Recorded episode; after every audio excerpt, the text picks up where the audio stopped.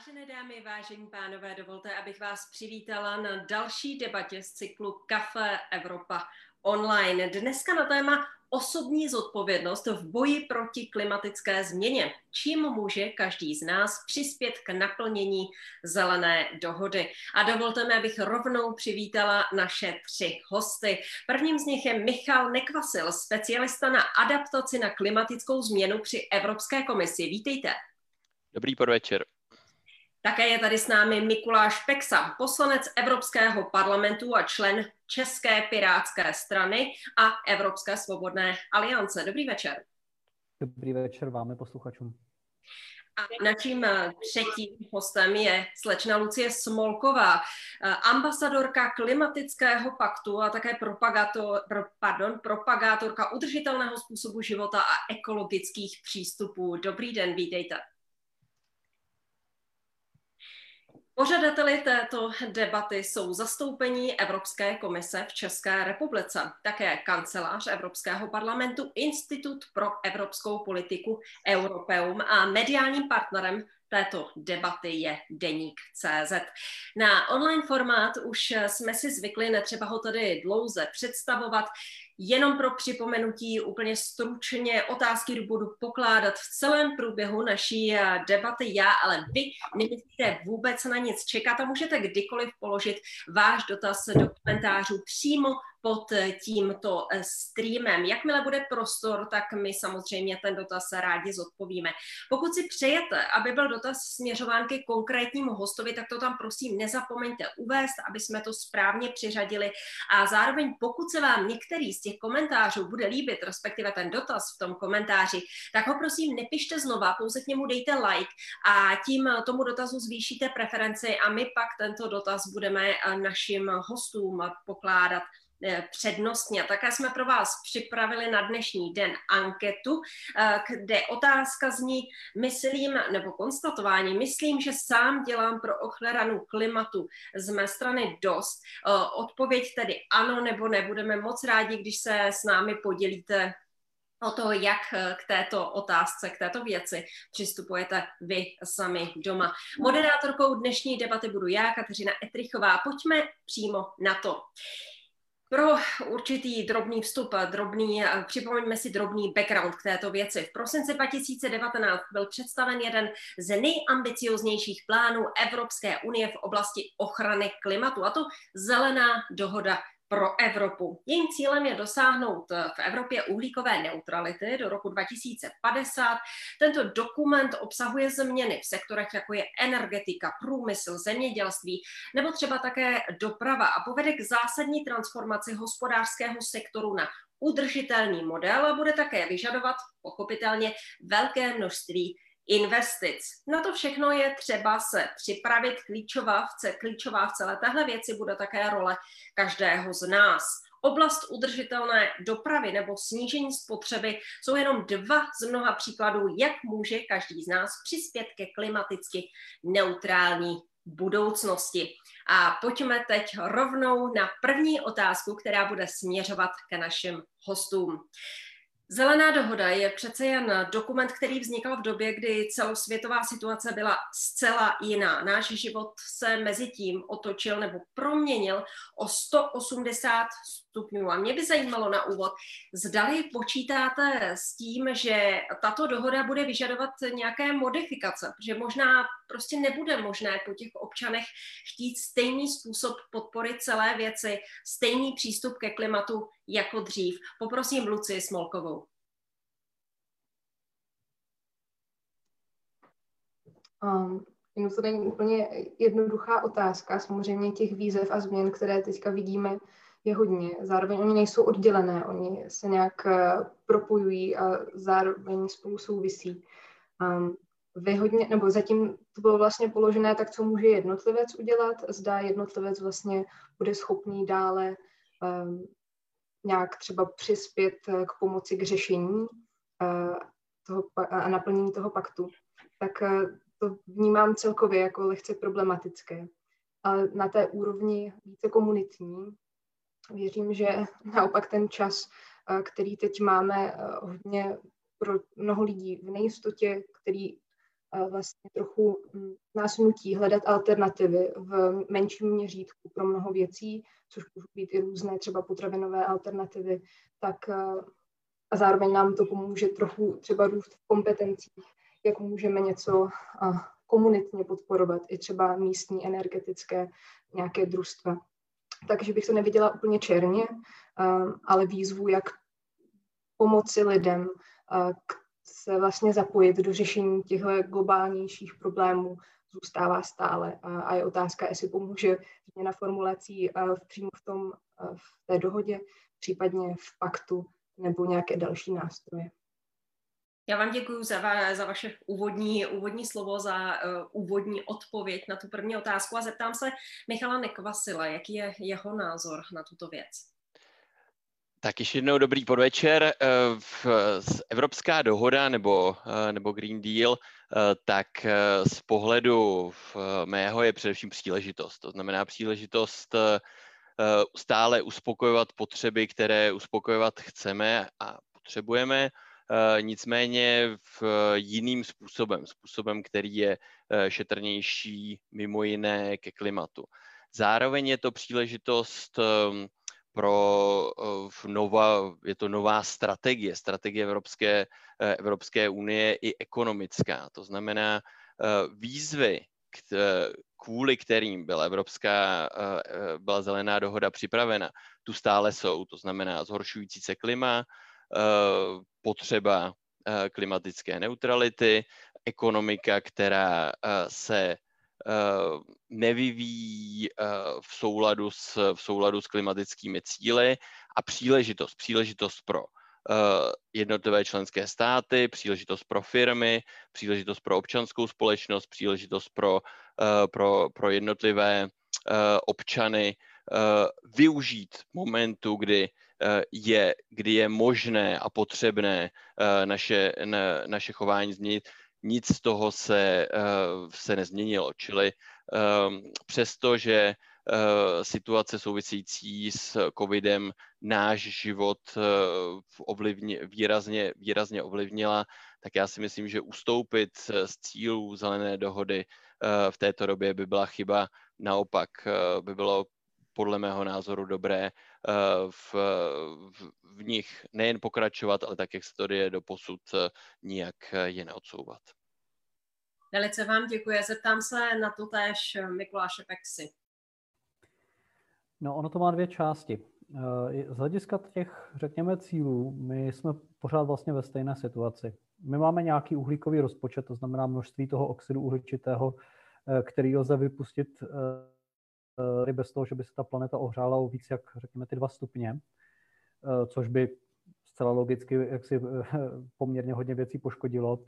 No a eh, to množství toho oxidu uhličitého, které takto můžeme vypustit, je nějak si limitované a my ho vypouštíme poměrně rychle. Přičemž to tempo vypouštění se nijak významně nesnížilo, to znamená, jsme tam, kde jsme byli, pokud něco rychle neuděláme a významně to neomezíme, tak někdy kolem toho roku 2033, 2035, 2036 do té hranice, řekněme, narazíme.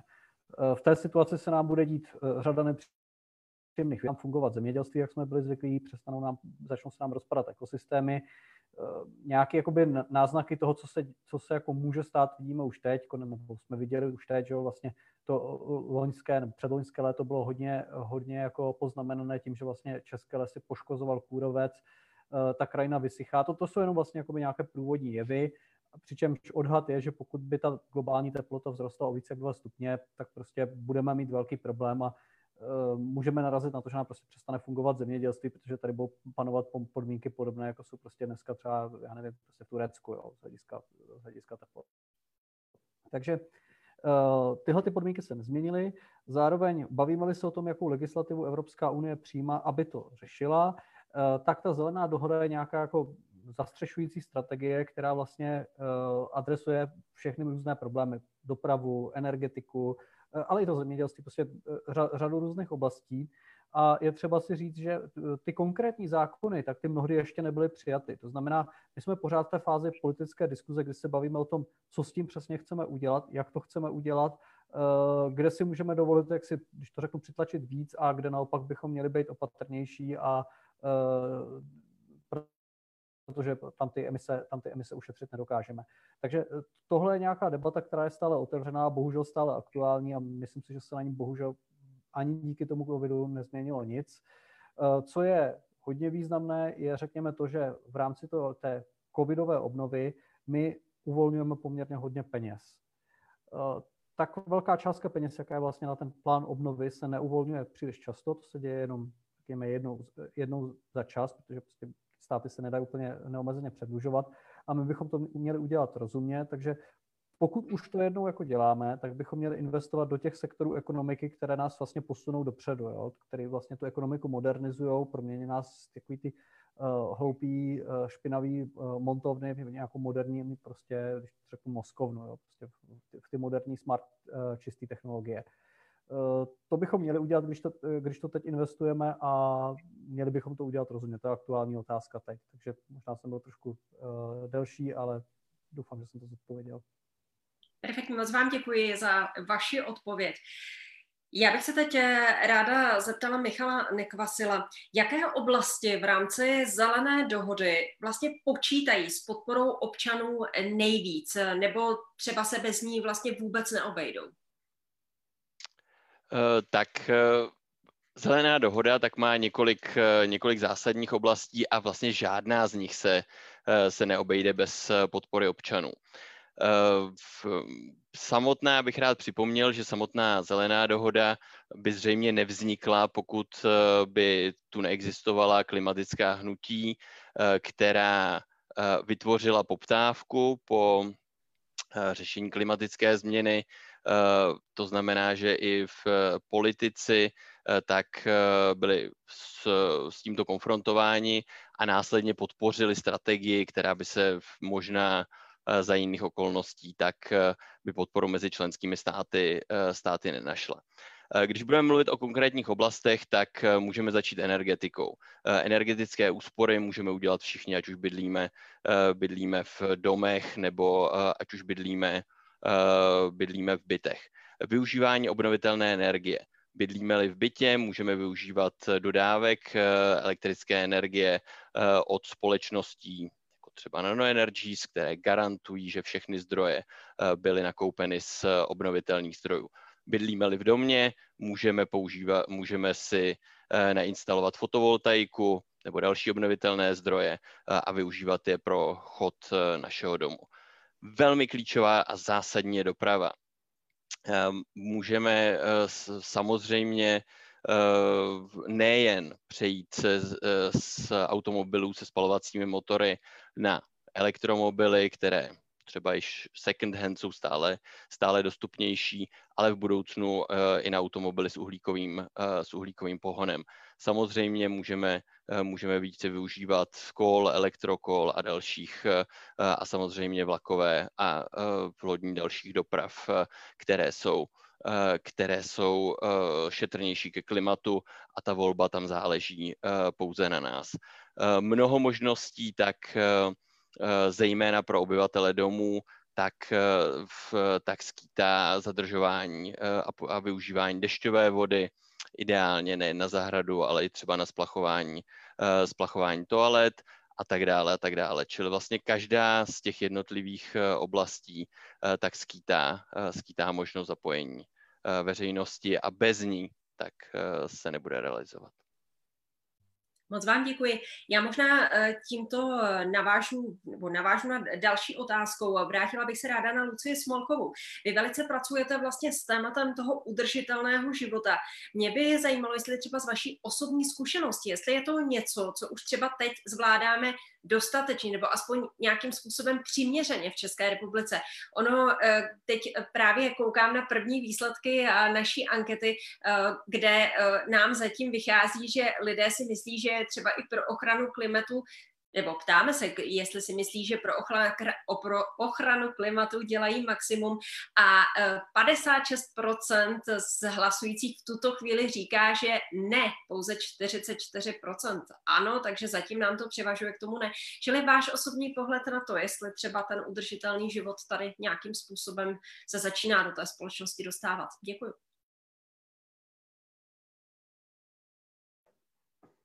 Opět další komplexní otázka a ne mnoho časem na promýšlení.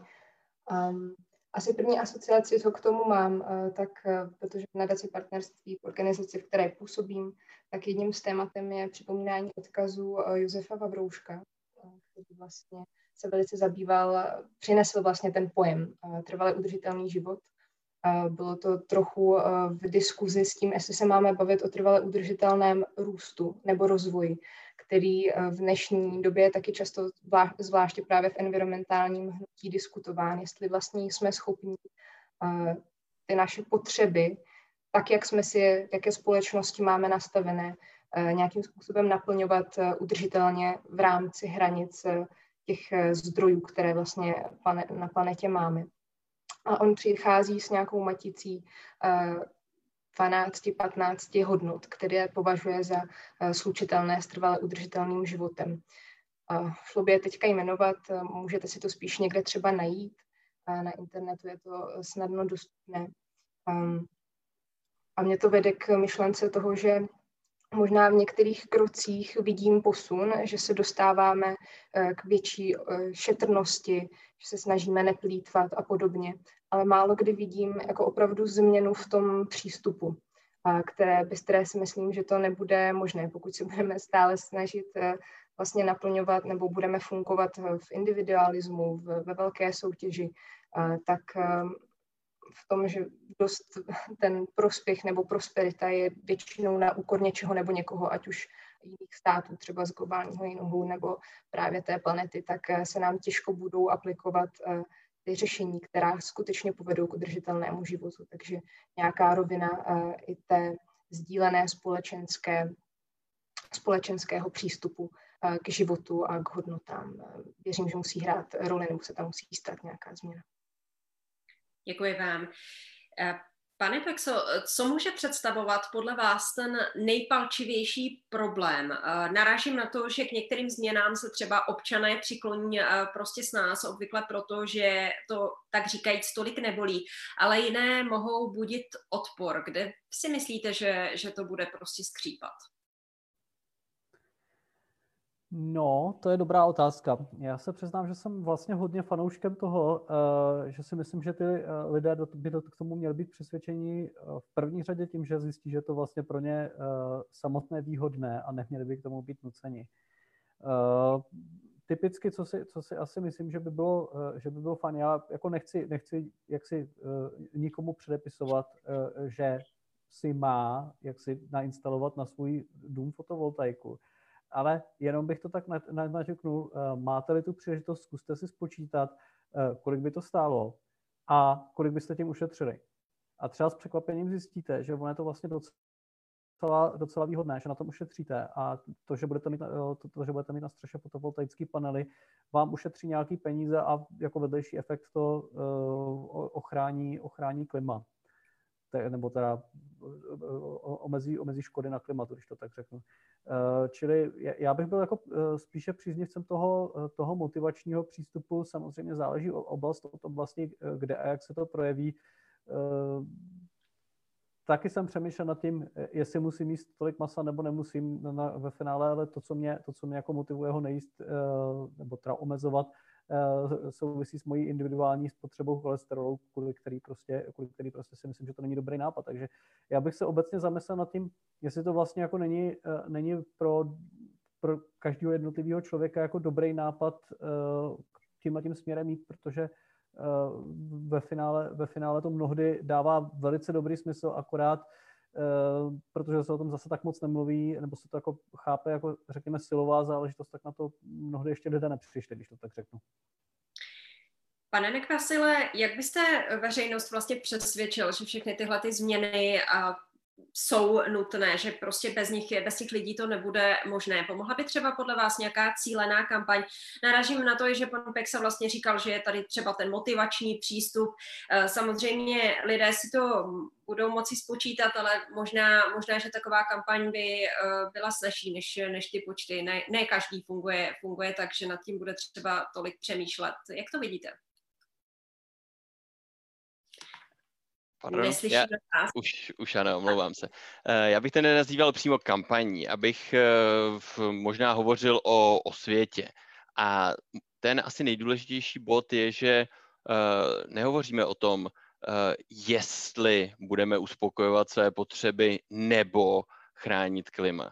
Ono to velmi dobře jde udělat tak, že zároveň děláme to, co chceme a, um, a jak chceme a mimo jiné tak eh, pomáháme, eh, pomáháme klima, klimatu, snižujeme, snižujeme emise. Čili eh, já myslím, že ten první krok by měla být, měla být určitě osvěta. V, při té příležitosti bych, bych rád zmínil takzvaný klimatický pakt, který je také součástí té Evropské zelené dohody, což je iniciativa Evropské komise, Evropské unie, která vlastně jednak pomáhá šířit osvětu a jednak podporuje všechny již existující uh, aktivity klimatické uh, a iniciativy a podporuje vznik, uh, vznik další. A v rámci, v rámci této, tohoto klimatického paktu tak máme klimatické ambasadory, Eh, slečna Smolková je vlastně první ambasador a jedinou v současné době ambasadorkou eh, za, České, za Českou republiku. Eh, občané nebo i firmy, organizace tak mohou, mohou učinit, anglicky je to pledge, česky proto máme trošku zkompromitované slovo závazek, ale tak já česky radši říkám výzvy. To znamená, každý si může stanovit svou výzvu, jak přispěje konkrétně k ochraně životního prostředí a klimatu do určité doby. Každý člověk nebo organizace může uspořádat e, nějakou osvětovou nebo, nebo praktickou akci. A já myslím, že právě prostřednictvím těchto drobných opatření tak se zvýšíme povědomí o tom, že změna klimatu je problém, ale není to problém nebo výzva, Eh, která by byla neřešitelná. Mnoho lidí podléhá eh, takovému environmentálnímu žalu a pocitu, že už se stejně nic nedá dělat ale, eh, a je pozdě, ale šířit osvětu o tom, že, že nejen, že je možné něco dělat, ale že je potřeba něco dělat a že každý jeden z nás tak k tomu může přispět. Děkuji. Já si dovolím ještě využít toho evropsko-českého pohledu pana Pexy. Jak se Češi staví eh, k té osobní odpovědnosti ve věci klimatu v porovnání třeba s evropskými partnery? No, já jsem, já můžu říct, že z nějakého důvodu uh, vlastně to téma je tady úplně jakoby strašně podceňováno v porovnání se zahraničí. Jo, a ono je to vidět i na statistikách, že prostě procento těch lidí, kteří tu klimatickou změnu vnímá jako reálnou, je eh, pod evropským průměrem. Já se můžu asi dohadovat nad tím, eh, o tom, proč to tak je. Z nějakého důvodu to tak prostě je, že, eh, že lidi to podceňují. Nicméně, nicméně děje se to. To je asi nějaký, asi nějaký specifický dědictví minulosti, jako těch časů Václava Klauze, který tvrdil, že se to prostě neděje ale eh, vnímám zároveň, že se to eh, nějakým smyslu dáme, protože uh, lidi vidí kolem sebe ty, ty reální dopady, ty klimatické změny. Jo. Prostě ten kůrovec, to sucho, to není vymyšlený, to je prostě reálný problém, na který tu narážíme a který budeme muset nějak, nějakým způsobem řešit. Já jsem viděl takovou pěknou přednášku, ve které, bylo, ve které bylo vidět, jak se vlastně bude měnit to, to klimatické pásmo, ve kterém my se nacházíme a uh, dospěl jsem k závěru, že ať jsem se narodil ve střední Evropě, tak byť zemřu, na, doufám, na stejném místě, uh, tak kolem budou podmínky panovat jako uh, v Řecku v době, kdy já jsem se narodil, což mi připadá v podstatě neuvěřitelný a uh, dost mě to děsí. Takže myslím si, že lidi to, lidi to vnímají, že ta uh, změna se děje a vlastně to uh, vnímání se začíná obracet a nějak jako dohánět ten zbytek Evropy v tom. V tom. Děkuji vám. V listopadu rozebírala novinářka Adéla Učenášková na aktuálně CZ studii od McKinsey a Company, dle které by bylo možné dosáhnout klimaticky neutrálního Česka, protože i to byla otázka, jestli vůbec jsme schopni eh, to tady naplnit. Píše se zde nicméně, a cituji, je také třeba, aby kromě vlády a firem přiložili ruku k dílu i občané, třeba popularizací jízdy na kole nebo nižší konzumací masa. Mě by zajímalo, jestli my už jsme na to narazili, ale jestli tohle je v našich eh, podmínkách jako vůbec naplnitelné, třeba i proto, že prostě eh, gastronomie není eh, po celé Evropě stejná a stejně tak třeba přístup k jízdě na kole bude úplně jiný, k příkladu v Dánsku a v České republice. Zeptám se Lucie Smolkové. Tak já si dovolím drobný protest a ráda bych ještě reagovala na eh, předchozí diskuzi, pak případně odpovím nebo předám eh, otázku dál. Jednak tady bylo zmíněné to naplňování potřeb. A k tomu mi přijde důležité si uvědomovat, čím vlastně nebo jakým mechanismem ty naše potřeby si v dnešní době určujeme, protože ten standard toho, co se snažíme dnes naplňovat, může být často uh, velmi, velmi vysoký a zároveň eh, třeba ty spotřebiče tak eh, velice rychle vlastně odchází, kupují se nové a je to nějaké nastavení, nastavení trhu, který eh, potřebuje, aby rostla spotřeba, rostla samozřejmě výroba. Tak mě to vede k otázce, že pokud chceme směřovat k udržitelnému životu, tak to, co bychom měli dělat, tak je trochu revidovat. Co jsou ty skutečné potřeby, které máme a jak se dají naplňovat udržitelnějším způsobem a co přebíráme z těch společenských vzorců a třeba z reklamy. Tak eh, to je jedna myšlenka. A druhá bych chtěla vyjádřit souhlas s tím, že um, a myslím si, že je to i důvod toho, proč je nám klimatická změna vzdálená a nevidíme tady tak velkou reakci a toho, že pokud to rámujeme jako boj proti uh, něčemu, co je globální, obrovské a vlastně nemáme s tím, nebo necítíme, že s tím máme úplně blízký kontakt, tak uh, velice těžko se na tohle, řekněme, láká nebo mobilizuje. A ten rámec, který používám mnohem radši a častěji a vidím, že i v komunikaci třeba právě s komunitama nebo s lidma víc funguje, je se bavit o tom, jak toho využít, toho, co se děje teďka, jaký jsou tady příležitosti a co je ten svět, který chceme. Protože pokud se budeme stresovat, že máme nějakých 12 let na to, abychom teďka rychle, nebo prostě jakýkoliv čas, který občas takhle zaznívá jako nějaký limit, na to, abychom udělali velké změny a budeme se soustředit jenom vlastně na to, abychom odvrátili to nejhorší a nebudeme zároveň přemýšlet nad tím, co chceme, aby pozitivního mezi tím vzniklo, co nám to může přinést, tak eh, ta motivace podle mě není dlouhodobá eh, a není moc, um, nemusí být vlastně k opravdovým řešením. Může vést tomu, že vytvoříme vlastně nějaké řešení, třeba, které třeba přináší i další, další problémy, protože jsou to jenom takové quick fixes. A ještě poslední myšlenka, kterou nějak odvozují eh, z toho, když vlastně pracujeme eh, ve vzdělávání, s tím vlastně podporovat v dětech eh, nějakou ehm, šetrnost k přírodě, vztah k životnímu prostředí, který postupně vede až k řešení konfliktů a environmentálních krizí a vytváření strategií. Tak to, kde začínáme, tak je vytváření si vztahu k místu a toho chtít v něm vlastně něco řešit a hledat ty způsoby, tu sféru vlivu nejblíž mému působení, kde můžu vlastně vidět, že mohu něco změnit. A přijde mi, že tohle bychom vlastně potřebovali se v tom podporovat i napříč společností. Vytvářet vztah k tomu místu, kde fungujeme. Možná se nefixovat tolik na to, že chci řešit jako globální problém a začít tam hledat, co můžu změnit v tom svém okolí. Už tady zaznělo spoustu vlastně nápadů i uh, trochu strukturálnějších a pak na té globálnější úrovni se dívat na to, jak můžu podporovat ty akty, které se dějou, ale třeba nestresovat se tím, že teď už je to prostě je to obrovský, marný, nedokážu s tím nic ne- udělat a začít prostě v tom menším okolí. Já vám děkuji za reakci. Děkuji vám zároveň, že jste se o ní, že jste se o ní přihlásila. Mm, technika, technika nejede vždy úplně nejrychleji, takže mě to tady vyskočilo s mírným, s lehkým spožděním, ale dostali jsme se k tomu. Já vás zároveň ale nechám odpovědět i vlastně na tu otázku, která byla položena posléze, a to jestli je v našich podmínkách naplnitelná třeba představa, že bychom tady výrazně snížili konzumaci masa nebo jsme tady popularizovali jízdu na kole. Že v každé zemi a v každém prostředí je to něco jiného.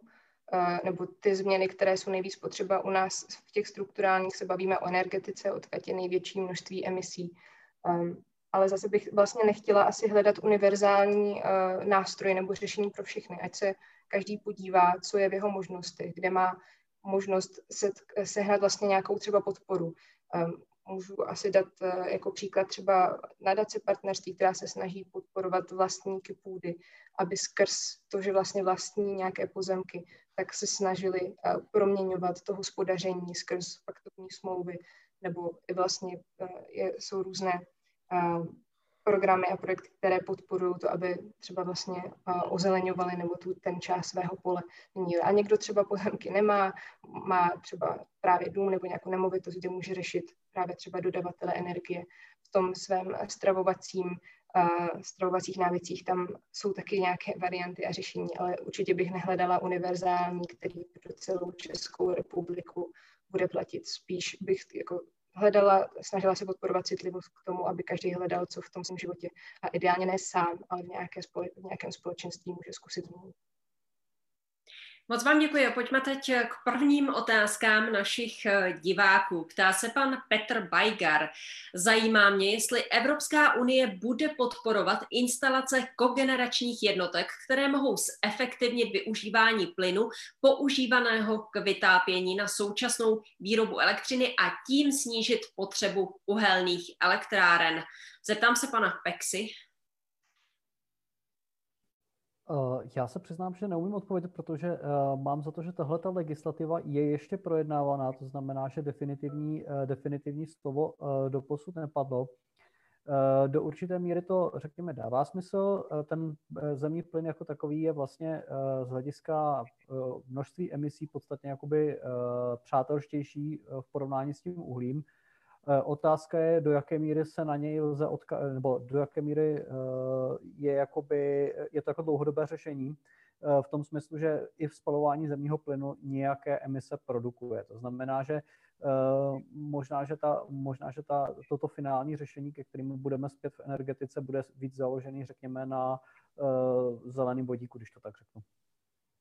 Děkuji. Eh, další otázka je tady o pana Václava Parchaňského. Jak se díváte v souvislosti se zelenou dohodou na debakl, je to v úvozovkách psáno, společné zemědělské politiky?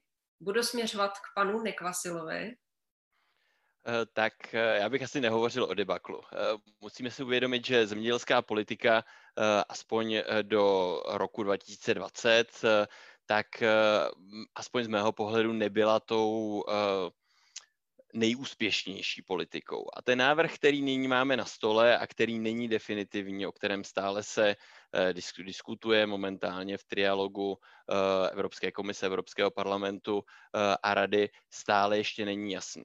Ale co již teď je jasné, že ta budoucí společná zemědělská politika bude ke klimatu daleko šetrnější než ta stávající, zcela nesrovnatelně. Ehm, to, že eh, není, aspoň z hlediska našeho, to znamená Evropské komise eh, DG Klima, eh, v tom stávajícím návrhu úplně všechno tak, jak bychom si představovali, je také pravda.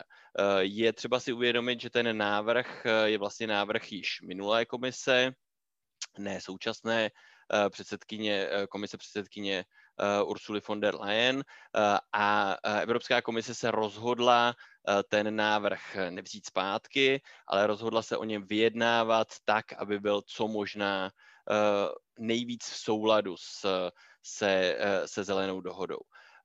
Ten jeden z aspektů společné zemědělské politiky, který je zcela revoluční, je Eh, bottom-up approach, to znamená přístup od zdola, v rámci kterého eh, členské státy tak navrhují, už v současné době pracují na strategických plánech pro svoji budoucí eh, zemědělskou politiku. Ty plány by měly být projednávány a schváleny během letošního roku a je to takový, takové míření na pohyblivý terč, protože Eh, současně s tímto procesem, tak se vyjednává legislativa budoucí společné zemědělské politiky. Takže členské státy vlastně neví přesně, eh, přesně na, co, eh, na co budou mířit. Nicméně Evropská komise již vydala koncem v druhé polovině prosince loňského roku doporučení členským státům, které se týká těch strategických, plán, strategických plánů, které budou určovat společnou zemědělskou politiku. A tam je mnohé z věcí, které bychom si představili. To znamená zadržování vody v krajině, pomocí zvyšování organického obsahu v půdě, pomocí krajinných prvků, jako například, eh, jako například mezí. Eh, je tam spoustu věcí týkající se um, uh, prevence zhutňování půdy, tak aby neodtékala, uh, napravení uh, v minulých hříchů, řekněme, v podobě betonových kanálů na, na odvod vody v oblasti, v oblasti lesnictví. Je tam spoustu, eh, spoustu schémat a možností na eh, opravdu udržitelné, udržitelnou péči o lesy, eh, v podpora smíšených lesů, vícegeneračních lesů. Je tam zpátky k zemědělství jako takovému podpora menších farmářů, podpora v ekologického zemědělství v našich podmínkách, bychom řekli bio a tak dále a tak dále. Čili uh, já souhlasím s posluchačem, uh, který položil tento dotaz, že ten návrh uh, není optimální, ale zároveň bych se za něj do značné míry postavil, že má mnoho pozitivních aspektů. Děkuji vám. Pan Pixa si přeje reagovat. Já vám předávám slovo. Já bych reagoval z pozice de facto opozičního europoslance, protože my jsme pro uh, důvěru komisi paní von der Leyen nehlasovali ani pro jaksi nominaci paní von der Leyen. Takže já v tomhle v tom mohu být kritický. Já bych skutečně tu, tu takzvanou reformu společné zemědělské politiky označil za debakl. Byť uznávám, že tam jisté kosmetické změny jsou, bohužel se podařilo uh, protlačit Evropským parlamentem tuto formu, která je vlastně spíše vyjádřením další podpory tomu velkému průmyslovému zemědělství eh, nebo tomu průmyslovému přístupu k zemědělství, eh, který tu krajinu ničí a životní prostředí poškozuje a klimatu neprospívá. Já uznám, že jsou tam nějaké pozitivní, řekněme, kosmetické změny. Zároveň je třeba si přiznat, že velká část těch, těchto změn je nějakým způsobem jenom podmíněná. To znamená, že ty Eh, jednotlivé členské státy je mohou obratem schodit do koše nebo prostě ignorovat. A eh, pokračuje ta předchozí politika dotování těch eh, velkých agrokomplexů. To já, tohle to já vidím jako problém a mělo by se to řešit bohužel prostě tak, jak byla položena ta hlasovací většina uvnitř Evropského parlamentu, se to nepovedlo. Ale kdyby bylo tedy po mém a těch po vůli těch dalších opozičních europoslanců zemědělská, nebo ta reforma zemědělské politiky tak, jak je, tak ji necháme komisi, aby ji stáhla a hodila někam do koše a kompletně přepsala. Děkuji. Děkuji. Ještě stručně pan Nekvasil. Já bych využil, využil té dynamiky eh, diskuze zástupců Evropského parlamentu a Evropské komise. Eh, tam eh, v případě eh, návrhu legislativy týkající se životního prostředí a klimatu většinou to bývá tak, že Evropský parlament je ambicióznější tak jak se stalo třeba v případě eh, projednávání klimatického zákona, kdy komise eh, navrhla 55%, snížení emisí o 55% porovnání roku, eh, do roku 2030 v porovnání s rokem 1990. Evropský parlament řekl, ne, chceme více, chceme 60%, rada řekla, chceme méně a nakonec to skončilo nějakým kompromisem. V případě té společné zemědělské politiky bohužel, aspoň z pohledu mého, se stalo to, že nejen rada byla, tak jak jsme zvyklí, méně ambiciozní, ale bohužel ve své většině Evropský parlament. A, eh, a to vlastně trošku vzalo vítr z plachet těm z nás evropských, v, v Evropské komisi, kteří jsme si představovali mnohem radikálnější reformu společné zemědělské politiky. Ale jak říkám, nic není u konce, momentálně probíhá jednání mezi všemi třemi institucemi a uvidíme, co z toho vypadne. Já vám děkuji a pojďme k dalším otázkám našich, našich diváků, ať se dostane eh, na co největší množství. Já možná ještě předtím, než eh, se k ním, než se do toho pustím, než vám přečtu další, tak bych jenom připomněla, že tady máme anketu, do které mohou hlasovat, ve které mohou hlasovat všichni, kteří nás teď sledují. A konstatování v této, eh, v této anketě je, myslím, že sám sama dělám pro ochranu klimatu maximum toho, co můžu. A Aktuální výsledky jsou takové, že 63% našich hlasujících říká, že ne, nedělají dostatek. 37% si myslí, že ano, že dostatek dělají. Takže ty nůžky se nám trochu rozevírají a vypadá to, že tady zatím více těch, co nás sledují, zatím by ještě možná ve svém životě byli ochotní udělat nějakou, něco víc pro klima, něco víc pro tu změnu. Já tady mám, teď mi přišla sem otázka od paní Karolíny. Já vám ji s dovolením přečtu. Greta Thunbergová, norská klimatická aktivistka. Já jenom poupravím, že jde o švédskou klimatickou aktivistku. Tedy Greta Thunbergová oslavila 18 a oznámila, že už si nikdy nechce kupovat nové oblečení. To je podle mě strašný extrém. Zajímalo by mě od slečny Smolkové, jak se dívá na takové příklady ona. Protože já sama mám pocit, že tohle už kde koho spíš odradí a mávne nad tím rukou. A to mi věřte, že oblečení z druhé ruky klidně koupím. Tak tolik paní Karolína, předávám slovo Lucii Smolkové. Hmm. Nechci být asi úplně soudce Gréty. Tam, když třeba kolem klimatického summitu, kterého jsem se účastnila, kde měla ten velmi emotivní projekt, tak se vlastně taky velice dlouho omílalo, jestli to bylo přiměřené, nebylo přiměřené, jestli vlastně jde tím příkladem nebo nejde příkladem.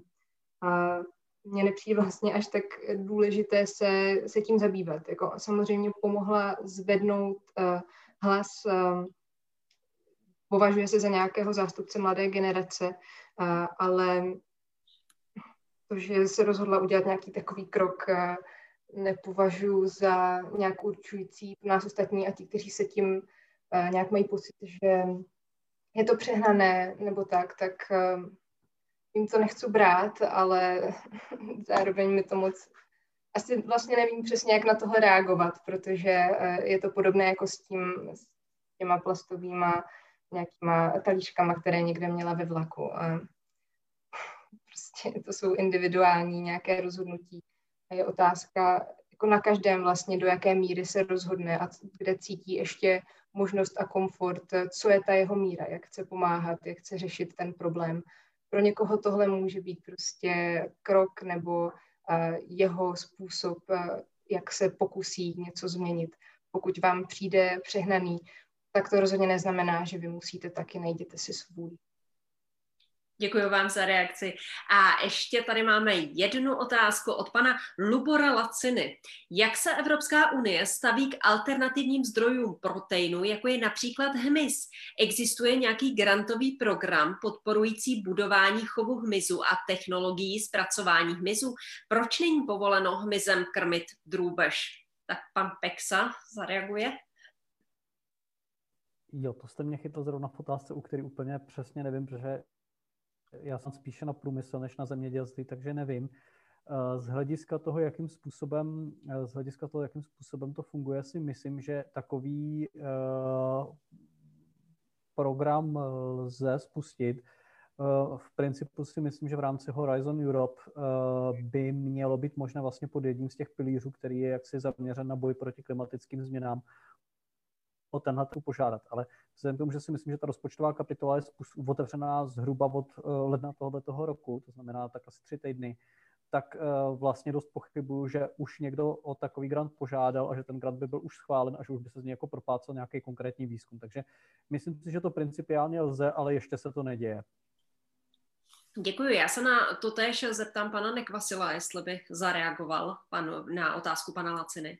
Určitě rád. Eh, kromě Horizon Europe, eh, o kterém eh, hovořil pan Pexa, což je program, které, který podporuje zejména výzkum v Evropě týkající se mimo jiné otázek spojených s životním prostředím a klimatem, tak bych možná doporučil se podívat na program LIFE, což je program, který specificky podporuje inovace, inovační řešení, která se nějak dotýkají životního prostředí a a klimatu. Čili eh, mezi těmito dvěma programy eh, tak bych vybíral, přičemž oba jsou komplikované, ten, ty live projekty jsou o něco jednodušší. Děkuji vám. Pojďme se teď, protože i vidím z dotazů našich diváků, že je velice zajímá otázka dopravy, tak možná posuňme se, posuňme se v téhle věci tímto směrem. I hned po zelené dohodě se začalo na poli Evropské komise řešit udržitelnější uspořádání letového provozu. Emise z letecké dopravy by tak mohly poklesnout až o 10%, což úzce souvisí s členskými závazky. Teď je ta situace velmi specifická, ale jak s tím, jak s tím do budoucna? Protože to je téma, které mnoho lidí i velmi dráždí, je to téma diskutované. Pokud se vrátíme k příkladu třeba o nezmiňované Grety Thunberg, tak ne každý uh, by byl ochoten jezdit do Spojených států lodí, což je, řekněme, ta nejextrémnější uh, varianta.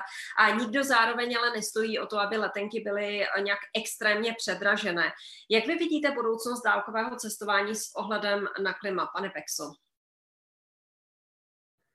No, já musím říct, že mě u tohle to vlastně vždycky fascinovalo, že letecká doprava nebo to letecké palivo je vlastně osvobozený od daně. Jo? Když si načerpáte, načerpáte eh, benzín do auta, tak normálně zaplatíte spotřební daň. Paradoxně, když načerpáte benzín do letadla, tak se tohle to neděje. Eh, to je nějaká asymetrie, která mi připadá divná a vlastně jako pokřivující trh, eh, přičemž ono to pak vytváří takové patologické situace, že existují lidé, kteří pracují v Londýně a bydlí v Barceloně a každý den mezi Londýnem a Barcelonou létají letadlem, protože je to levnější, než vlastně mít byt v Londýně.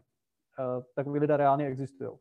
Eh, připadá mi, že uh, takovýhle pokřivení trhu, který vlastně na jedné straně jakoby úplně eh, bizarně vyhání, vyhání nebo teda koncentruje tu aktivitu do míst, jako je Londýn a pak je vlastně tam nutí lidi dolítávat letadlem, by asi bylo rozumné nějakým způsobem napravit typicky, že prostě analogická daň, jaká platí na, řekněme, benzín v autech, by platila na benzín pro letadla tolik, tolik asi k tomu. Myslím si, že problém ani tak nejsou jakoby ty jednotliví individuální lidi, kteří si opravdu jako zaletějí eh, jednou za, eh, jednou za rok prostě na dovolenou.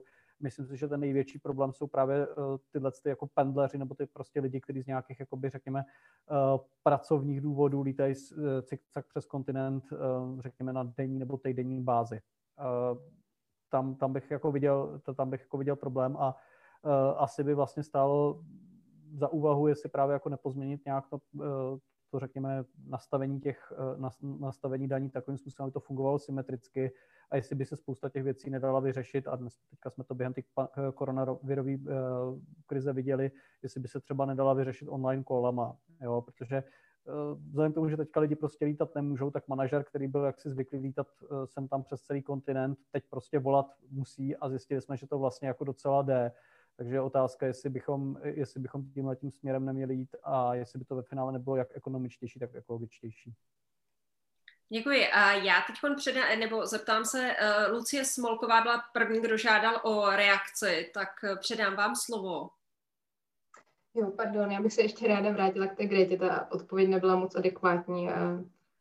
Tak jenom, že je to vlastně podobné trochu, jak jste už zmínila, tu třeba její cestu na ten summit tak eh, že dost často tyhle vlastně veřejné figury nějakým způsobem, a myslím, že Greta je právě tím příkladem, se snaží nějak poukázat na nějaký problém s veličiným způsobem, aby to vel, jako upoutalo pozornost, což je rozhodně problém textilní průmysl a to, v jakých podmínkách se vytváří, to, že vlastně velké množství toho oblečení se pak ani neprodá, nevyužije a třeba se spálí, že je tam nějak, jako, že tam vlastně v tom je tu nějaký problém a nějaký způsob, jak na něj ukázat, je extrémní formou říct, už si nikdy ne, jako nekoupím vlastně nové oblečení a zároveň tím třeba ukázat, je to možný, hele, zkouším to, můžete to brát jako příklad a třeba v nějaké menší formě to zkusit taky. Tak jenom jsem ještě chtěla doplnit.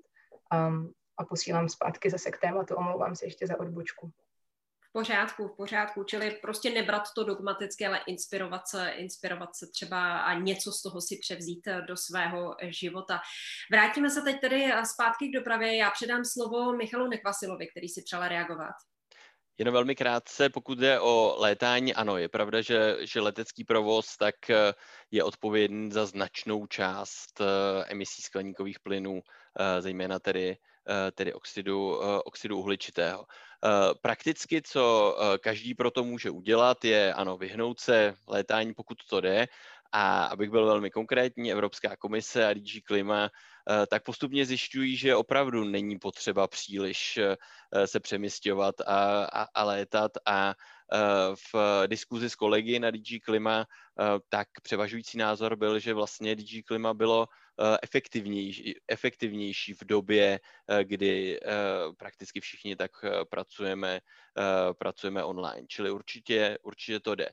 Občanům tak bych jenom možná Eh, doporučil zvážit, eh, že každý jeden, pokud už letět chce eh, nebo musí, tak může tu svoji takzvanou klimatickou stopu kompenzovat. Dnes už všechny společnosti tak nabízejí takzvaný offsetting, což vlastně znamená, že jejich klimatická stopa, to je v emise skleníkových plynů, které připadají na jednoho pasažéra, tak jsou přepočítány do peněz a vlastně člověk má možnost, když kupuje tu letenku, tak si připlatit pár korun, euro eh, na to, že vlastně ta, eh, ta skleníková stopa je kompenzována třeba tím, že ty peníze eh, pak přijdou na bioplinky v Africe, na vysazování stromů, na další podporu obnovitelných zdrojů a tak dále. Děkuji vám. Pojďme se podívat teď trošku um, z nebe na zem. Uh, ve Francii funguje od roku 2011 veřejná půjčovna aut, takzvaný Otolíp, a funguje to na jednoduchém principu. Zaregistrujete se, půjčíte si auto a za nech uh, někde si ho na nějakém tedy místě, odkud potřebujete jet, tak si ho prostě vezmete a zase ho zanecháte na příslušném místě poblíž vašeho cíle, kdy si ho prostě může potom půjčit někdo další. Vidíte třeba v tomto eh, ekonomickém konceptu nějaký, eh, řekněme, příjemnější kompromis mezi, mezi tím, eh, mezi prostě tou cestou, kdy každý tady má svoje vlastní auto a mezi zase tou druhou cestou, kdy třeba někdo chodí pouze pěšky a nebo pouze jezdí na kole. Je to něco, co by se mohlo u nás, u nás třeba ujmout, nějaký takový plán? Zeptám se Lucie Smolková. Mm-hmm. Jo, já s těmito iniciativy, in, iniciativami velmi sympatizuji. V, třeba přímo v Brně vlastně sídlí i v prostorech nadace partnerství uh, Auto na půl, kteří vlastně už tohle testují. Um, a zatím ta síť není příliš velká, ještě se to netěší velké popularitě, ale rozhodně tento ko- koncept míň vlastnit a víc nějak sdílet a užívat mi přijde jako jedna z velmi dobrých cest, jak uh, snižovat tu materiální spotřebu a náročnost a zároveň možná i bezpečnost a kvalitu, protože ty auta musí být samozřejmě velice dobře udržovaný, kdykoliv si je ten zákazník chce půjčit. A vidím, že pan Pexa si přeje reagovat. Já bych asi vypíchnul ještě tu motivační část téhle věci, protože samozřejmě pokud jste, já nevím, pětičlená rodina, tak asi jako v principu mít auto prostě pro potřebu té pro potřebu celé rodiny a e, udržovat si ho dává smysl. V situaci, kdy jste jeden e, single člověk, který vlastně jako jezdí autem pouze občasně, tak řeší všechny povinné ručení, e, technické kontroly a všechny tyhle ty byrokracie kolem se vám vlastně nechce. Čili pro vás je tato sdílená služba de facto výhodnější a pokud to řekněme eh, dřív nebylo možné, protože dřív jakoby eh, neexistoval internet a nebylo možné ne, nebylo možný jednoduše sdílet informace o tom, kde se dá to auto půjčit, jo, a nebylo možné to auto sledovat, tak dneska ten typ služeb jakoby poměrně snadno pomocí internetu zorganizujeme. Eh, ergo dá užívat a je to vlastně jako prostor pro nějakou úsporu, který se tady odevřel a je škoda ho nevyužít, protože kromě toho, že chrání klima, tak samozřejmě jako pomáhá nám řešit nějaké problémy, a vlastně pomáhá nám i jako ekonomicky, budeme jako bohatší, když to, když to budeme využívat. Já vám děkuji. Já vás se ještě s, s dovolením zdržím, protože eh, ještě tady mám pro vás eh, otázku, která dorazila od paní Marty. Vy jste to částečně už zodpověděl, ale pro případ, že byste si přál něco doplnit. Vím, že hodně úředníků z Čech létá pravidelně do Bruselu, sem a tam. Každý lídr letí na Evropskou radu vlastním letadlem. To třeba mně ekologické vůbec nepřijde. Současná doba ukázala, že toho lze hodně zvládnout přes telekonference. Je možné, že to tak i v rámci podpory zelené dohody zůstane. Také by to byl dobrý příklad pro veřejnost. Ptám se pana Pexy. Jo, já jsem zažil vlastně ten strašně zajímavý přerod, kdy se Evropský parlament té instituce, která se musela bezpodmínečně scházet na tom jednom místě a nešlo jinak, do bodu, no jo, ale my to vlastně všechno zvládneme online. Jo, protože eh, na začátku nebylo možné hlasovat, na začátku nebylo možné eh, se scházet, nebylo možné mluvit na plenu, na výboru.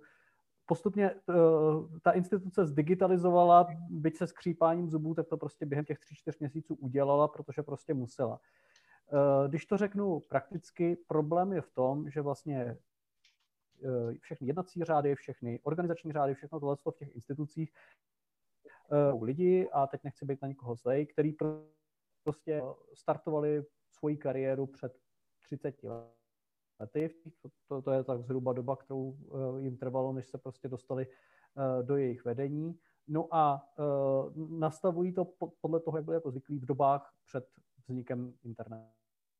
To znamená, že to, že to funguje takhle. Teďka COVID je vlastně donutil, donutil to změnit a já si myslím, že minimálně bude poměrně hodně obtížné tu organizaci, která byla proti své vůli efektivněna a funguje lépe, Eh, vrátit do toho původního neefektivního stavu, protože prostě ty lidi zjistili, že to tak jako není třeba a není nutno se k tomu eh, původnímu eh, systému vracet. To znamená, já si myslím, že, a teda pevně doufám, že všechny odbory a všechny instituce, které uvnitř, ta, sítě, které uvnitř těch institucí fungují, se proti tomu postaví a umožní nám fungovat tím moderním digitalizovaným způsobem, jak je ostatně celkem běžný i řek, řeknu jako v biznesu, kde prostě jakoby firmy, když nemusí, tak jako zbytečně peníze a, a netahají lidi po světě, pokud je, jako to vyřeší online. No. Já vám děkuji a předám slovo ještě panu Nekvasilovi, který si přeje zareagovat na tu předchozí otázku. Eh, jenom velmi krátce, já také se domnívám, že sdílení automobilů je, v, je budoucnost a eh, že je to tak správně nejen automobilů, ale i tiskáren a spoustu, eh, spoustu dalších věcí, kteří, které prostě nemusíme nutně vlastnit, ale, eh, ale jejich sdílení mimo jiné tak eh, je daleko klimaticky šetrnější.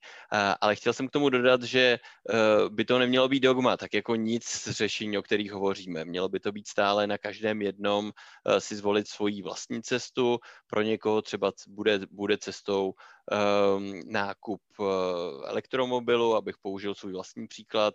Uh, my jsme uživateli uh, použitého elektromobilu, um, který se dá pořídit menší za velmi přijatelnou cenu a vlastně od té doby, kdy ho máme, tak já se poprvé cítím dobře, když si sedám do auta. Ale je to zase jenom moje cesta, každý může mít svoji cestu, jak, um, jak se dostat tam, kam potřebuje, tak, aby to bylo co možná nejšetrnější mimo jiné ke klimatu. Děkuji vám za reakce. Já u vás s dovolením ještě zůstanu, protože eh, tady máme dotaz od pana Martina Pobuckého.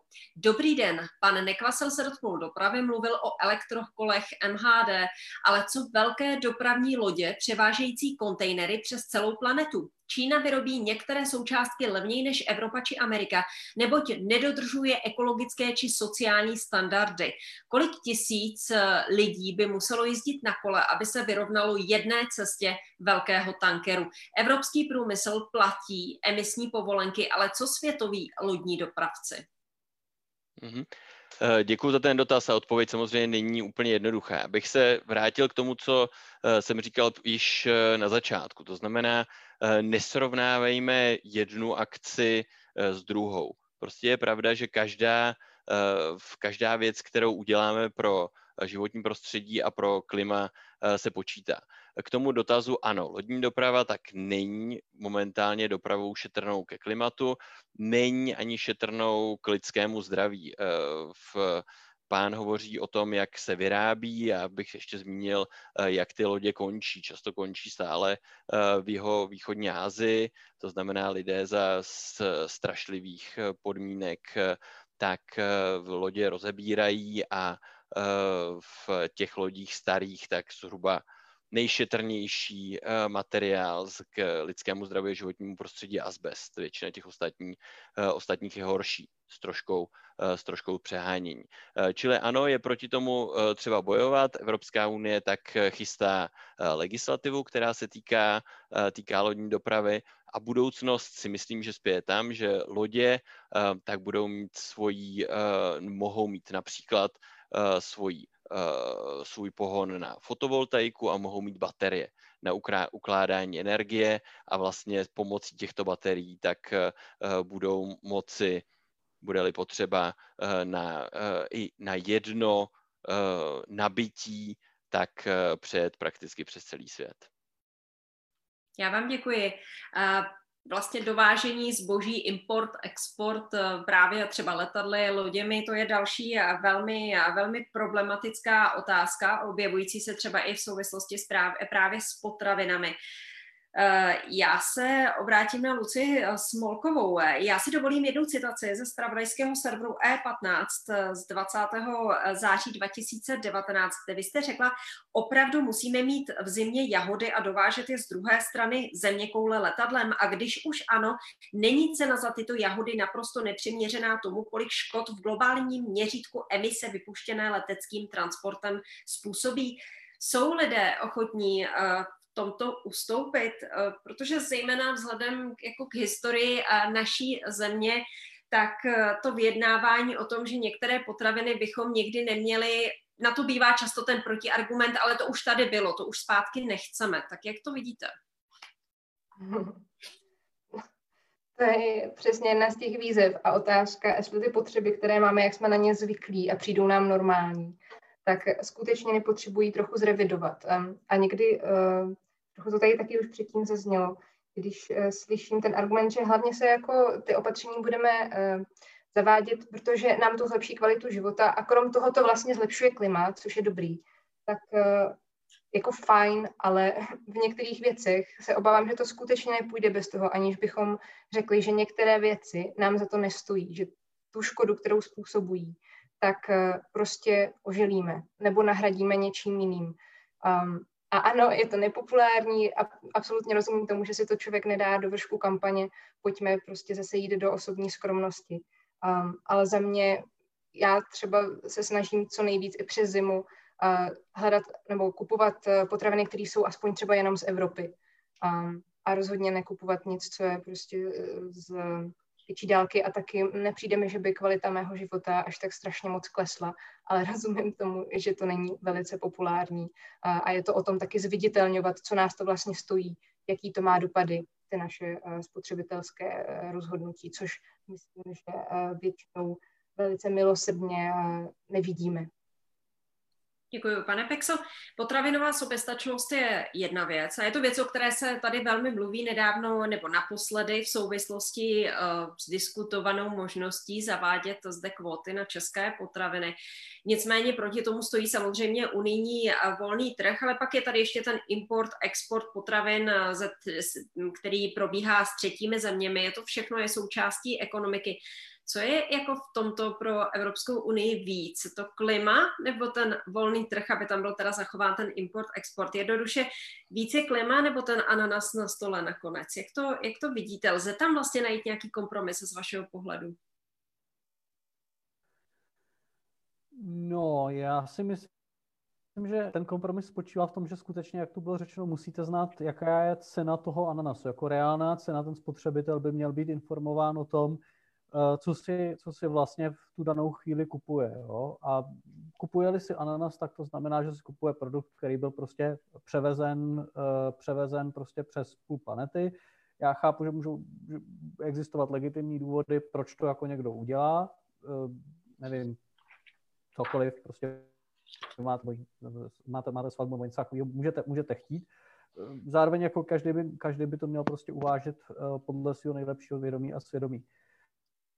Eh, co ale toho mezinárodního obchodu týče, eh, myslím si, že, myslím si, že eh, nebo chtěl bych ještě reagovat na, na to, co to bylo předtím.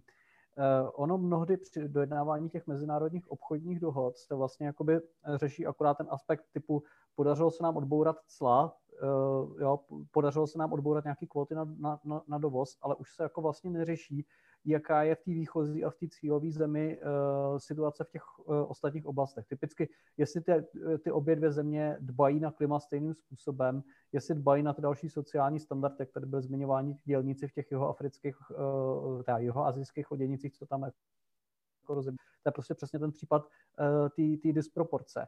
A Myslím si, že když teda sepisujeme ty obchodní dohody tak, jak je sepisujeme, tak bychom se vždycky na tyto ty aspekty vlastně měli dívat a dívat se, jestli v těch dohodách jsou zahrnutí. Teďka velmi napětě čekám, jak to byla uh, zmiňovaná Čína, tak čeká nás jaksi investiční dohoda společně s Čínou, tak uh, doufám, že v ní bude zmíněn nějakým způsobem lidskoprávní aspekt, který se právě uh, týká toho co, se, to, toho, co se v Číně děje a trošku mám dojem, že v tomhle, tom, v tomhle tom, a to teda není, to teda není jak se výtka k tomu, k tomu generálnímu ředitelství, který tady zastupuje pan Nekvasil, ale spíše k těm dalším generálním ředitelstvím Evropské komise. Trošku mi přijde, že oni tenhle ten aspekt upozadili, takže bych ho asi spíš upřednostnil víc. Děkuji a panu Nekvasilovi předám slovo. Eh, k této otázce jenom uh, bych dodal, že jednak uh, v Evropské zelené dohodě tak již se píše a reálně už se ty kroky naplňují, že všechny budoucí obchodní dohody i všechny stávající budou, budou zrevidovány tak, aby obsahovaly i klimatické cíle.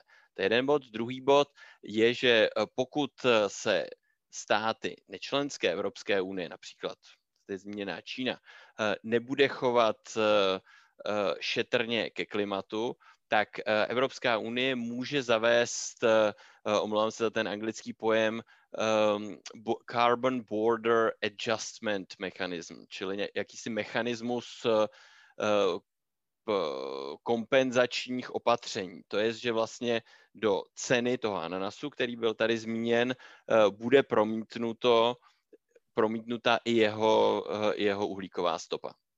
K té předchozí otázce, si dovolíte velice krátce, eh, která se týkala potravin, tak eh, tady vidím další oblast, kde každý jeden z nás tak může přispět nejen ochraně životního prostředí a klimatu, ale i svému zdraví a svému dobrému pocitu. Z mého pohledu, abych dal osobní příklad, tak eh, my využíváme něk, hned několika služeb eh, místních eh, dodávky bedínek, místních, místního ovoce, zeleniny, kde je garantováno, že byly vyrobeny jednak bio a jednak v malém okruhu od, ehm, od našeho bydliště. A zároveň, zároveň, je to, zároveň je možnost nakupovat na místních farmářských trzích a tak dále. Mně to přijde nádherná možnost, k, které, které může využít kdokoliv z nás a, ehm, a pokud má jednou za rok chuť na ananas, nechci objednat, není to, myslím, taky žádný problém. Já vám děkuji a ještě u vás se trvám, když dovolíte. Eh, já bych se ještě vrátila lehce k té, k té potravinové soběstačnosti, která, eh, která je velice diskutovaná. Jak jsou na tom vůbec jako evropští, potažmo naši eh, zemědělci? Ta kvalita půdy se mění, hovoří se tady hodně o suchu. Dokážeme to vůbec vypěstovat třeba stejné objemy potravin jako před lety? Jak, jak se tohle to mění? Eh, tak eh, děkuji, to je, tak, to je velice komplexní otázka. Eh, Evropská unie tak je schopná dosáhnout svojí, svojí potravinové soběstačnosti. Jsou tam, řekl bych, dva trendy, které jdou trošku proti sobě. Ano, je pravda to, co jste řekla, to znamená, že eh, kvalita půdy eh, se zhoršuje. Ano, je pravda, že eh, působí klimatické změny, které například vedly v České republice k 500 letému suchu. Jenom připomenu, že tato sucha jsme tady měli již dříve, ale v momentě, kdy se skombinují se zvyšováním teplot, to znamená větším výparem, tak se stávají zcela, zcela zásadně škodící, jak můžeme vidět každý jeden z nás na eh, půdě, zahrádkách nebo, eh, nebo lidé, kteří využívali studně eh, a, a využívat, využívat je už příliš, příliš nemohou. A zpátky k té, k té, k té soběstačnosti potravinové, to je jeden trend, který je negativní. Z pozitivní strany, tak zase máme, uh, máme modernější mechanizaci, která například neutužuje, uh, neutužuje tolik půdu. Máme modernější postupy, máme, modernější, máme možnost využívání plodin, které jsou, které jsou vhodnější a odolnější ke klimatu a tak dále, a tak dále. Čili ve výsledku tak ano, eh, Evropská unie a mimo jiné věřím, že i díky té budoucí neideální, ale lepší zem, společné zemědělské politiky bude eh, schopná své soběstačnosti dosáhnout. Já vám velice děkuji. A máme tady, máme tady otázku, která přišla od uh, Petra Turka. Prosím, pane Pexo, vy jste proti kvótám na české potraviny, to já taky. Rád bych ale věděl, jaké jsou tedy jiné cesty, jak přimět českého občana, aby si kupoval z české produkce víc. Kupuju české věci hodně, ale nezlobte se, na rozdíl od slečny Smolkové, já se v zimě jahod nevzdám. Co jahod, ale dovedete si představit, že si prostě nekoupíte třeba citrony do čaje? To je moc. Tak, pane Pexo, předám vám slovo. Jo, eh, já asi začnu v první řadě tím, že eh, ono to tlačení do té, eh, do jaksi kupování čistě české produkce se stalo v poslední době takovou moderní formou populismu, ale ono to jako v praxi nefunguje. Protože žádný takový pravidlo nesmí na tom společném trhu projít. V případě, že by prošlo, tak pokud by cokoliv tohle to prošlo, to se nemusí týkat zemědělských výrobků, se může týkat čehokoliv jiného, tak to znamená, že stejným způsobem se můžou chovat všichni kolem, vůči Česku. To znamená, že všechny ty auta, které v tuhle chvíli například zjíždějí z eh, výrobních linek ve Škodovce eh, a těch dalších eh, a směřují do zahraničí na export, tak v tu chvíli kdokoliv může říct, ne, my tady máme kvotu na naše auta a už k nám auta dovážet nesmíte. To znamená, že eh, kdyby nějaké, nějaká, nějaké takové opatření jak si prošlo, tak to je prostě eh, konečná, protože v tu chvíli ohromné množství Čechů bude v okamžitě na úřadech práce, protože ten, ten, ten trh, společný trh, na kterým jsme závislí a eh, ze kterého Česko čerpá, protože jak si obchoduje s těma sousedníma státama, tak ten se zhroutí. Teď, jak to udělat, aby nějakým způsobem ta spotřeba byla, řekněme, víc lokalizovaná, myslím si, že není nutno za každou cenu tlačit do, řekněme, českého zboží, ale řekněme do lokálního zboží. To znamená, dovedu si představit eh, podporu farmářských trhů, dovedu si představit uh, obecně prostě podporu, podporu lokálních potravin ve smyslu, že je nevozíte, že je nevozíte daleko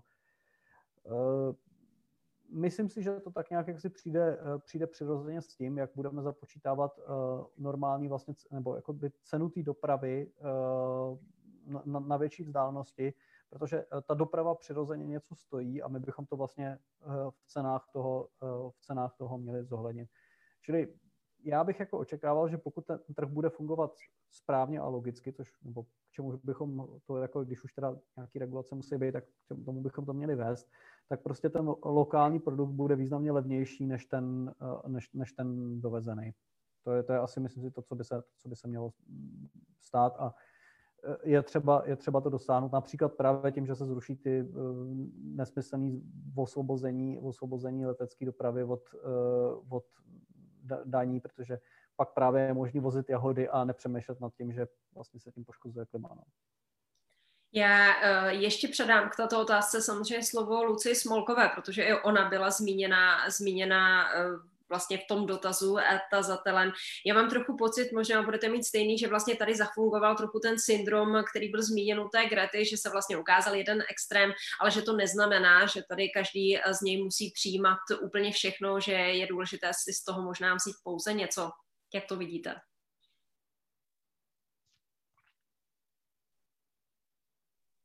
Tak já myslím, že asi nebudu úplně opakovat, protože velice souhlasím s tím, co tady zmínil třeba právě pan Pexa, s tím, že kdyby se promítly do těch potravin ty vlastně cena té náročnosti nebo toho, co to stojí, e, to životní prostředí a klima, tak možná by tu vznikla čistě ekonomická selekce, že pro spoustu lidí vlastně už nebude vůbec zajímavé si koupit prostě takhle drahý produkt.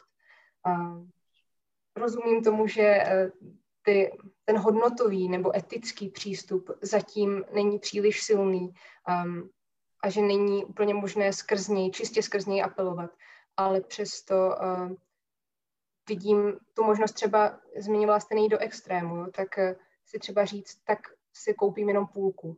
Jo, nebo mm, mm, ne půlku jahod, ale uh, v polovině případů, tak jsem to myslela. A tak stejně třeba s tou dopravou, nebo se snažit vlastně nějakým uh, postupným způsobem snižovat ty věci, na které jsem zvyklá, ale zároveň je důležité myslet na to, že to nemá být celé o tom, že se omezujeme, ale že hledáme, taky vytváříme nějaké pozitivní alternativy, které můžou pomoci nám uspokojit potřeby prostě jiným způsobem. Co, co vlastně, jakou potřebu uspokojuju tím, když chci mít v uh, zimě jahody?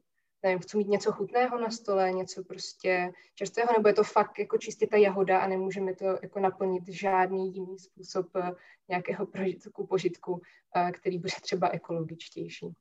Tohle je zrovna hloupý případ, možná příklad, možná by to se to líp ukazovalo na té dopravě, ale když jsme už byli u těch potravin, tak budíš to tak. Já vám děkuji za, myslím si, velice jasnou, jasnou odpověď. A ještě tady mám eh, otázku od paní Markové. Ráda bych se, se pana Nekvasila přeptala na strategii od zemědělce ke spotřebiteli, která patří k ústředním bodům zelené dohody. Píše se zde o zlepšení podmínek pro zvířata a zároveň o cenově dostupných potravinách.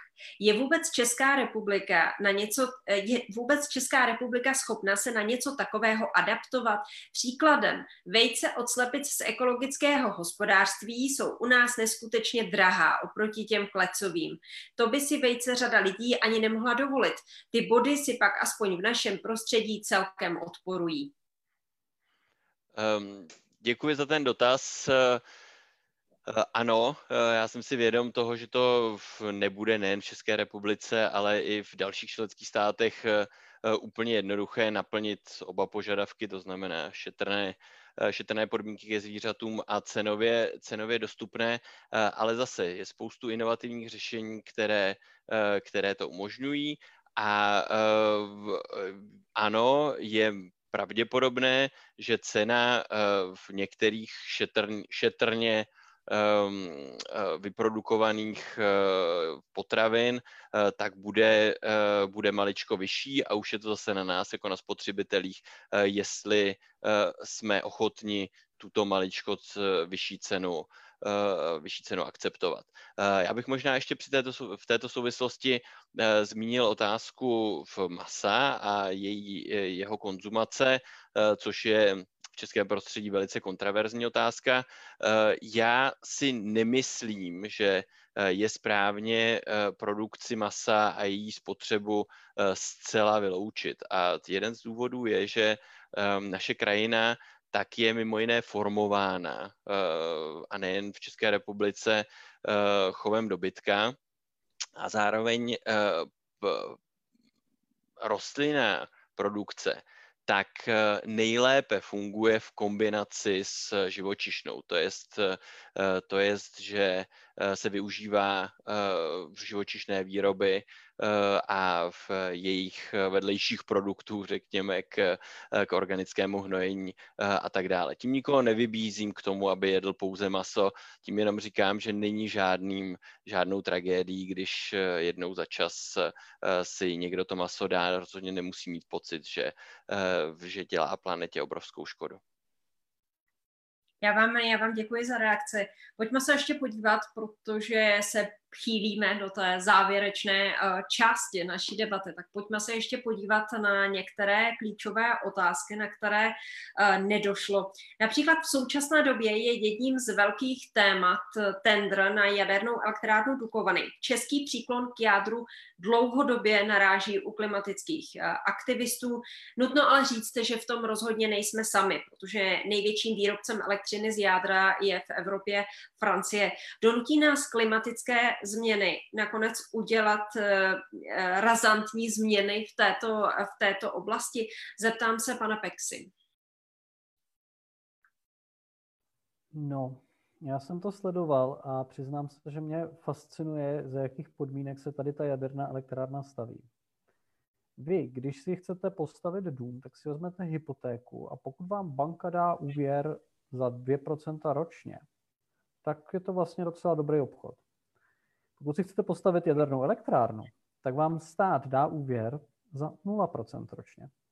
To znamená, že stát vezme řádově 160 miliard nebo 200 miliard nebo nějaké číslo a tyhle ty peníze si půjčí, platí za to úroky, že je má půjčené a dá, eh, vloží je do soukromé firmy za 0% úrok, čímž ji zadotuje a nechají stavět tu jadernou elektrárnu pomíním tu část, že vlastně eh, kromě toho, že když si řešíte jaksi hypotéku na stavbu svého vlastního domu, jak si všechno byrokracii oběháte, oběháte sami, tak v případě, to, eh, že stavíte jadernou elektrárnu, tak za vás tu byrokracii řeší stát, včetně toho, že například jak si ministři jezdí do Bruselu a vysvětlují, ano, to je v pořádku, že připojíme na společný trh s elektřinou zdroj o výkonu 1000 gigawatů, 1000 megawatů, pardon, 1 gigawatt.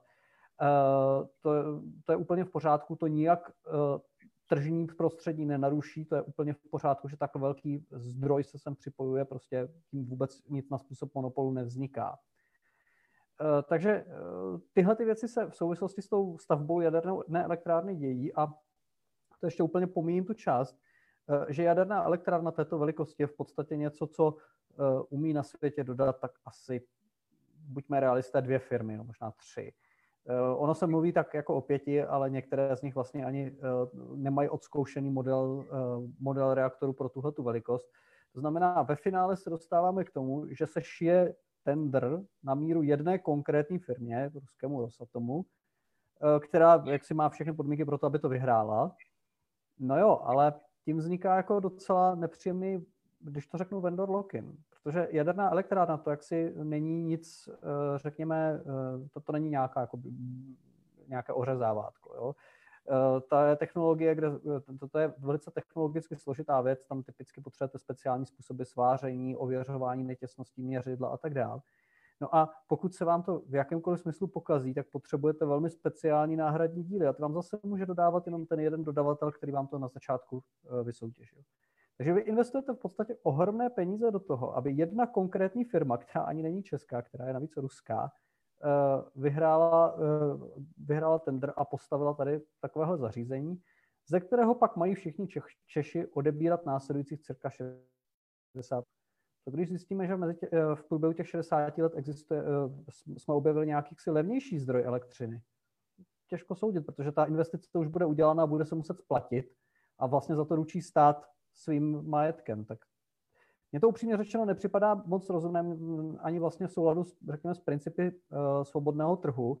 A kdyby to fungovalo tržně a mě se někdo ptal, jestli si chci koupit akcie Česu a financovat tak výstavbu takového projektu, tak bych asi do toho svoje osobní peníze. Nicméně eh, v danou chvíli tady prostě existuje vůle této vlády investovat do toho peníze daňových poplatníků a zadlužit tuto generaci i ty generace, které ještě přijdou. Jak se dívá na budoucnost jádra Lucie Smolková? Eh, já se k tomu asi nechci úplně vyjadřovat, protože tomu nerozumím do hloubky a myslím, že ta reakce, která teď tu byla, tak byla velmi dobrá. Takže mohla bych říct něco obecně za klimatické hnutí. Tam jsou spíš jako etické vlastně opět přístupy k tomu, že tu vzniká nějaký jaderný odpad, kde spoleháme, že v budoucnu přijde nějaká technologie, která zjistí, využije prostě co s tím, ale reálně tady žádná není a nevíme, jestli bude, tak eh, to bych řekla, že nějaký hlas, který to může zaznít, ale víc bych to nerozebírala za sebe. Dám prostory panu Nekvasilovi.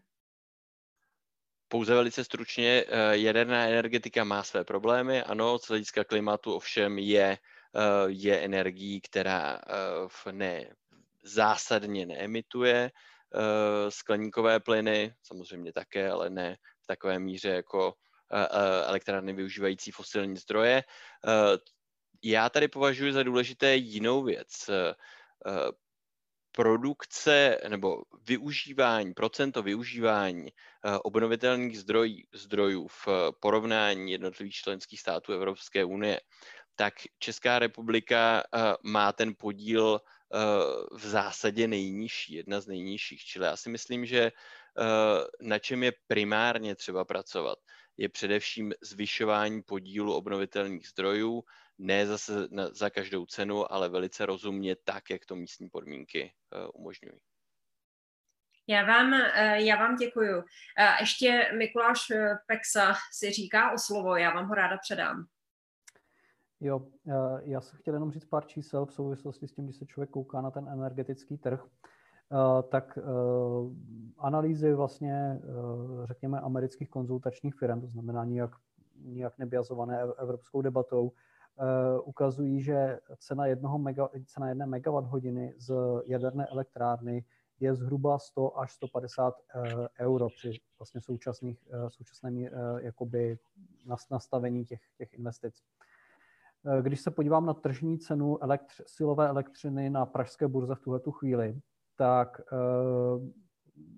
pohybuje se někde v rozsahu, řekněme, 45 až 50 euro za megawatt hodinu, to znamená poloviční nebo možná třetinu.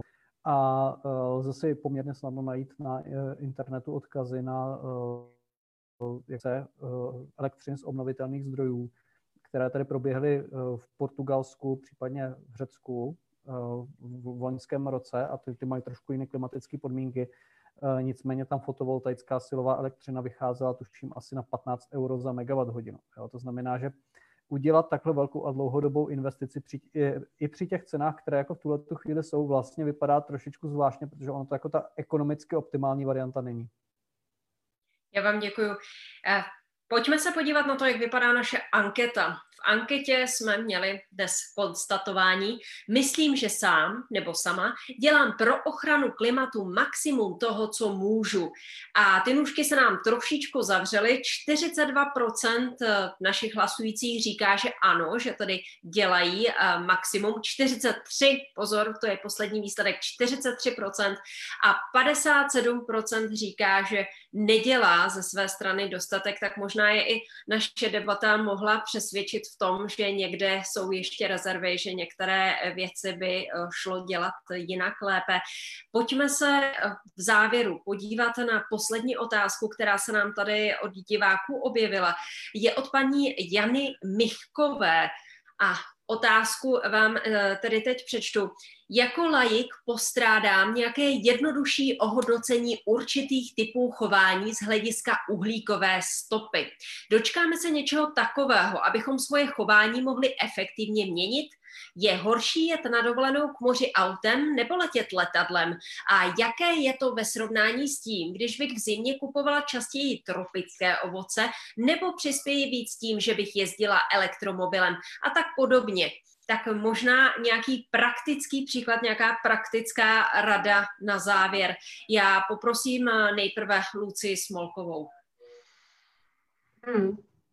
Bohužel v nějakém širším rozsahu nevím o přehledném shrnutí uh, takovýchto porovnání, ale jedno trošičku podobné, které mě napadá a zároveň vás tím můžu odkázat i na velice relevantní zdroj eh, faktických informací a to je webový portál www.faktaoklimatu.cz, který má jednu infografiku, která je přímo zaměřená na porovnání individuálních změn a množství úspory emisí, kdyby právě eh, určitou činnost eh, ten daný člověk snížil na polovinu a je to v porovnání s některými systémovými změny ve stejném sektoru.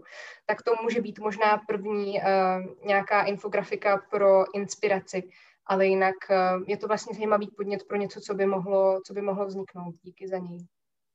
Děkuji vám. Dám slovo panu Nekvaselovi. Eh, já bych možná zmínil ze svého pohledu kroky, které si myslím, že každý z nás tak může udělat a které přispějí ke buď my tady většinou mluvíme o snižování, eh, o zmírňování klimatické změny, ale které přispějí i ke, k přizpůsobení se, což je eh, oblast velice důležitá, o které jsme tady příliš nehovořili. Ehm, asi prvním bodem by mělo být seznámit se s výzvami, které, eh, které klimatická změna tak přináší a s možnostmi řešení a zároveň nepropadat pokud možno tomu environmentálnímu žalu. Další možností je prakticky se podílet na vytváření politik jednak na evropské úrovni a na národní. Každá evropská legislativa politika dává prostor poměrně dlouhý pro veřejná vyjádření, na národní úrovni taky všechny důležité, všechna důležitá opatření se musí diskutovat s veřejností. Například jsme tu hovořili o tom strategickém plánu eh, společné zemědělské politiky. Co může udělat určitě každý z nás je šířit o světu mezi svými blízkými, Hovořili jsme tu o klimatickém paktu, eh, tak eh, budete-li mít zájem, podívejte se prosím na stránky, eh, na stránky klimatického paktu Evropské komise, kde jsou praktické příklady, jak se člověk může stát ambasadorem, jak může zveřejnit a plnit svou výzvu, jak může uspořádat, uspořádat akce na, na osvětu. Co považuji za vůbec nejdůležitější, je jít příkladem osobně a um, zapojit se do, do programu na komunitní úrovni, ať už je to zadržování vody v krajině, uh, zvyšování zelených ploch, uh, komunitní zahrádky, um, kompostování, cokoliv, cokoliv dalšího. Um, myslím, že důležité je stále se ptát, uh, chci udělat to či ono, mám jsem zvyklý, zvyklá na to, jakým způsobem to, to dělám, nicméně existuje nějaká alternativa a pokud ano, pokud existuje alternativa, která je šetrnější klima, ke klimatu, tak se k ní připojit. Co je obrovsky důležité je tlačit na politiky eh, na všech úrovních. Pokud považujeme eh, problém klimatu za zásadní, eh, tak je možné hovořit s politiky na místní úrovni, na krajské úrovni, na vládní úrovni, na, na evropské úrovni. Každý, na každé jedné úrovni to, to má smysl. No a o dalších věcech už jsme tady hovořili, to znamená, co se týká mobility, v, ať, už, ať už automobilů, nebo kol, nebo, nebo další, co se týká energetiky, využí, energetických úspor a, a využívání obnovitelných zdrojů a zadržování vody v krajině, to znamená využívání dešťové vody, zelených střechách a tak dále. Já vám děkuji a ještě stručně předám slovo panu Pexovi. Jo. Já jsem když se teda vrátím k té eh, k otázce, myslím si, že tam je strašně důležitý vlastně eh, důležité a vlastně tok těch informací. Jo. Ehm, člověk by měl vědět ve chvíli, kdy jako zjist, eh, používá určitý produkt, jaký je vlastně jako ten jeho dopad na klima, jo, což velice dobrou představu vlastně poskytuje ta informace, kolik, bylo, jako, kolik se vytvořilo oxidu uhličitého při jeho výrobě. To je, sama o sobě důležitá. Eh, myslím si, že se podařilo nějaké jakoby konkrétní věci typu eh, je, jak si v tuhle chvíli standardem třeba při nákupu nových aut eh, uvádět množství oxidu uhličitého produkovaného při na jeden na, na kilometru nebo na, na kilometr. Ten, ten typ informací by vlastně měl být k dispozici a pak je to, řekněme, o jejich využívání, zpracování, respektování a tak dále. Eh, bohužel ty informace nám v tuhle chvíli úplně všude netečou tak, jak bychom potřebovali a je to jako něco, eh, to transparentnění systému z hlediska, z hlediska jako jeho klimatických, eh, nebo transparentnění toho hospodářství z hlediska klimatických dopadů je vlastně takový úkol, který si teď budeme muset vzít a na kterém si myslím, že by Evropská unie, to znamená komise, to znamená parlament a doufejme, že snad i rada se přidá, měli pracovat. No. Já vám velice děkuji. Jak tomu dodám jenom eh, ještě jednu věc. Píše nám naše divačka Lucka Polšovská Burianová, že je možné konzultovat eh, webovou stránku uhlíková stopa.cz, eh, což je projekt Masarykovy univerzity, technologické agentury České republiky a dalších partnerů a je možné se také dozvědět, co je vlastně jaká z těch činností vlastně ušetří, kolik emisí a podobně. Takže určitě, určitě eh, se podívejte, my děkujeme velice za typ a vážené dámy, vážení pánové, já vám také děkuji, že jste dnes byli s námi na další debatě z cyklu Café Evropa. Dnes se na téma osobní zodpovědnost v boji proti klimatické změně, čím může každý z nás přispět k naplnění zelené eh, dohody. Eh, našimi hosty byli Michal Nekvasel a specialista na adaptaci na klimatickou změnu při Evropské komisi, Mikuláš Peksa, poslanec Evropského parlamentu, člen České pirátské strany a také Evropské svobodné aliance. A Lucie Smolková, ambasadorka klimatického paktu a také propagátorka udržitelného způsobu života a ekologických přístupů. Eh, děkuji vám také za vaše dotazy a za to, že jste se účastnili naší ankety. A nezapomeňte sledovat Facebook Café Evropy, protože už brzy se tam objeví další debata, která vás bude čekat v únoru. Já vám přeji krásný večer.